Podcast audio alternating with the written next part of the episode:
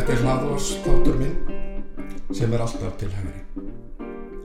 Í síðasta hlaðvars þætti fjallaði ég um niðurstöðu kostningana í síðasta mánu og fór yfir þær áskoranir og verkefni sem fórustumenn stjórnarflokkana þurfa að leysa áður en tekinu ákvörðunum hvort halda ég samstarfi flokkana áfram. Og það var margt undir og er margt undir, orkumál og orkunýting, skipulag heilbriðiskerfisins, skattkerfið, lofslagsmál, skilvirkni stjórnkerfisins, samkeppnisætni atunlífsins. Og þannig má lengi telja. Og flestir gera sig grein fyrir því að mörg þessara mála eru erfið þegar kemur að þessum þremur ólíku flokkum sjálfstæðisflokki, vinstirgrænum og framsóknarflokki. En ég ætla að gera annað mál að umtalstefni hér. Mál sem að ég vona og stendi þeirri trú að eigi ekki að vera erfitt fyrir vinstilgræna, sjálfstæðisflokkin eða framsóknarflokkin að ná saman um. Það er að styrkja stöðu sjálfstæðara fjölmið ekki með beinum ríkistyrkjum, líkt á formaður bladamannafélagsins telur eðlilegt, heldur með því að jafna leikin í ójafnri samkeppni við ríkisútvarpið. Sín formans bladamannafélagsins á framtíð félagsmanna sinna er fremur dabuleg.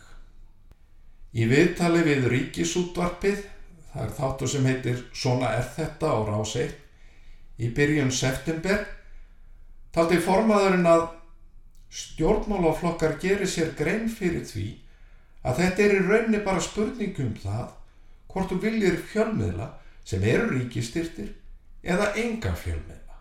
Svo vitna sér beint til orða formansins sem heldi fram að ræða þyrti og nú aftur beintilvutnum að meiri alvöru hversu miklu fjármagnir ríkið vergi til styrtar íslenskum fjölmiðlum því að þetta væri ekki lengur spurningum hvort heldur hver mikið.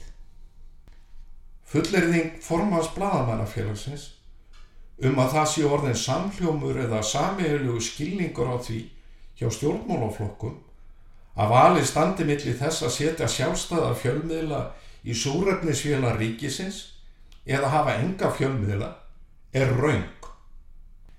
En letast líklegast að treyð formansins við ríkisútvarpið og þeirri trú að ríkisrækstur fjölmiðla sé lífsnauðsilegur í samfélagi 21. aldarinnar.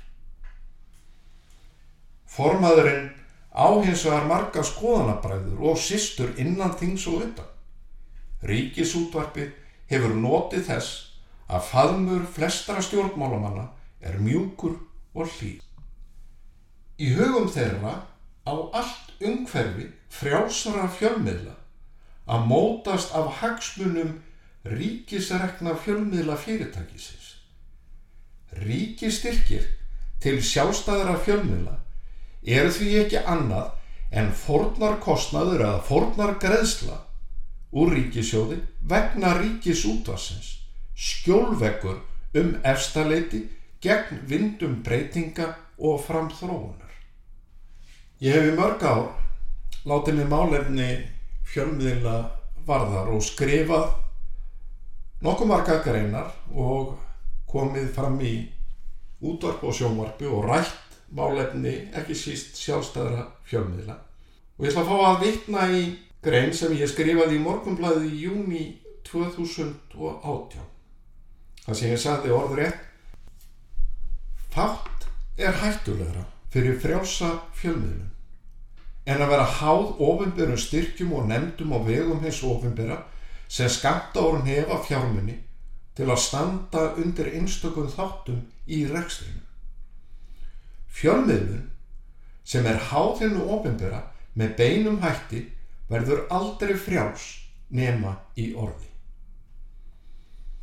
Ég hef ekki lagt það í vana minn að nota stóriði en nöðsinn brítur regluna.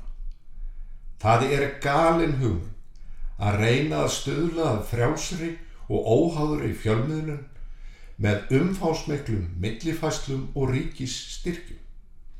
Vest er að með millifæslum og styrkjum er í raun verið að réttlæta ranglatið á fjölmiðlamarkaði og komast hann í hjá því að fjarlæga meinið sjálft.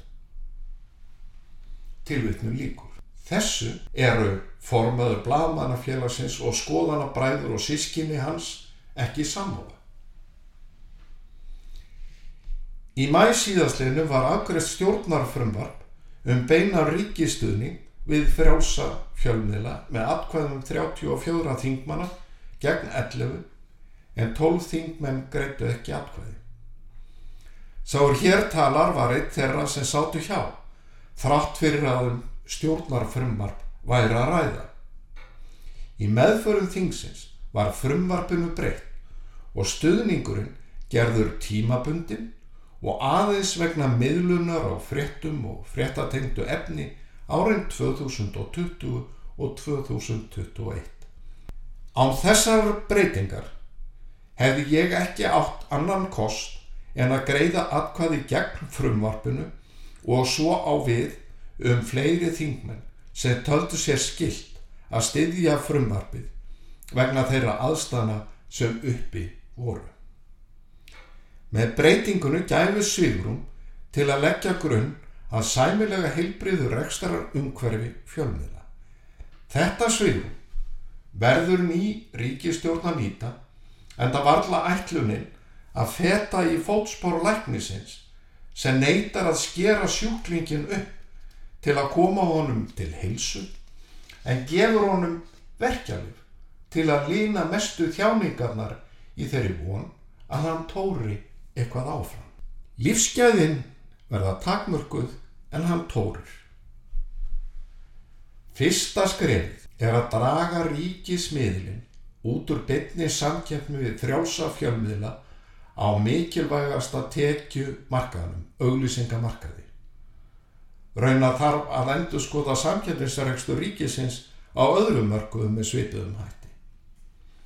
Annað skref er að styrkja rekstrar umhverju fjölmiðla með lækkun skatta. Það er annars vegar hægt með lækkun eða niðurfellingu virðusökaskatts á áskriftir og hins vegar með lækkun tryggingagjalds. Á meðan meiruluti þingsins telur nöðsynlegt að ríki standi í rekstri fjölmiðils er réttlætanlegt að taka upp skattalegar ívilnanir af þessu tagi, ívilnanir í gegnum skattkerfið sem tryggja að allir frjálsir fjölmiðlar sitja við sama borð. Það er engin ofinbæri nefn, engin stopnum sem kemur þar nærri, allt er gegnsætt og einfalt.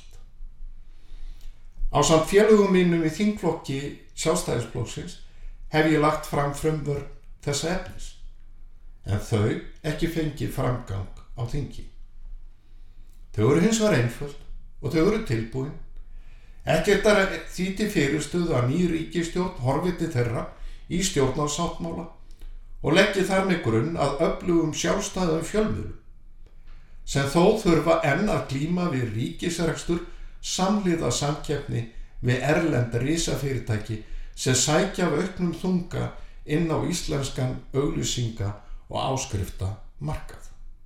Fátt mun skipta meira máli fyrir frjása fjölmiðum að grípa til þeirra aðgerða sem hér eru nefnda og fátt mun skipta íslenskan almennu og íslenskt atvinnlíf meira máli en að hér verði til öflug, fjölbrytt, flóra, sjálfstæðra fjölmenn.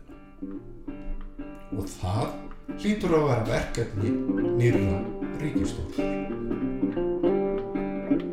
Ég þakka þeim sem hlýtu. Ég er góða stundur.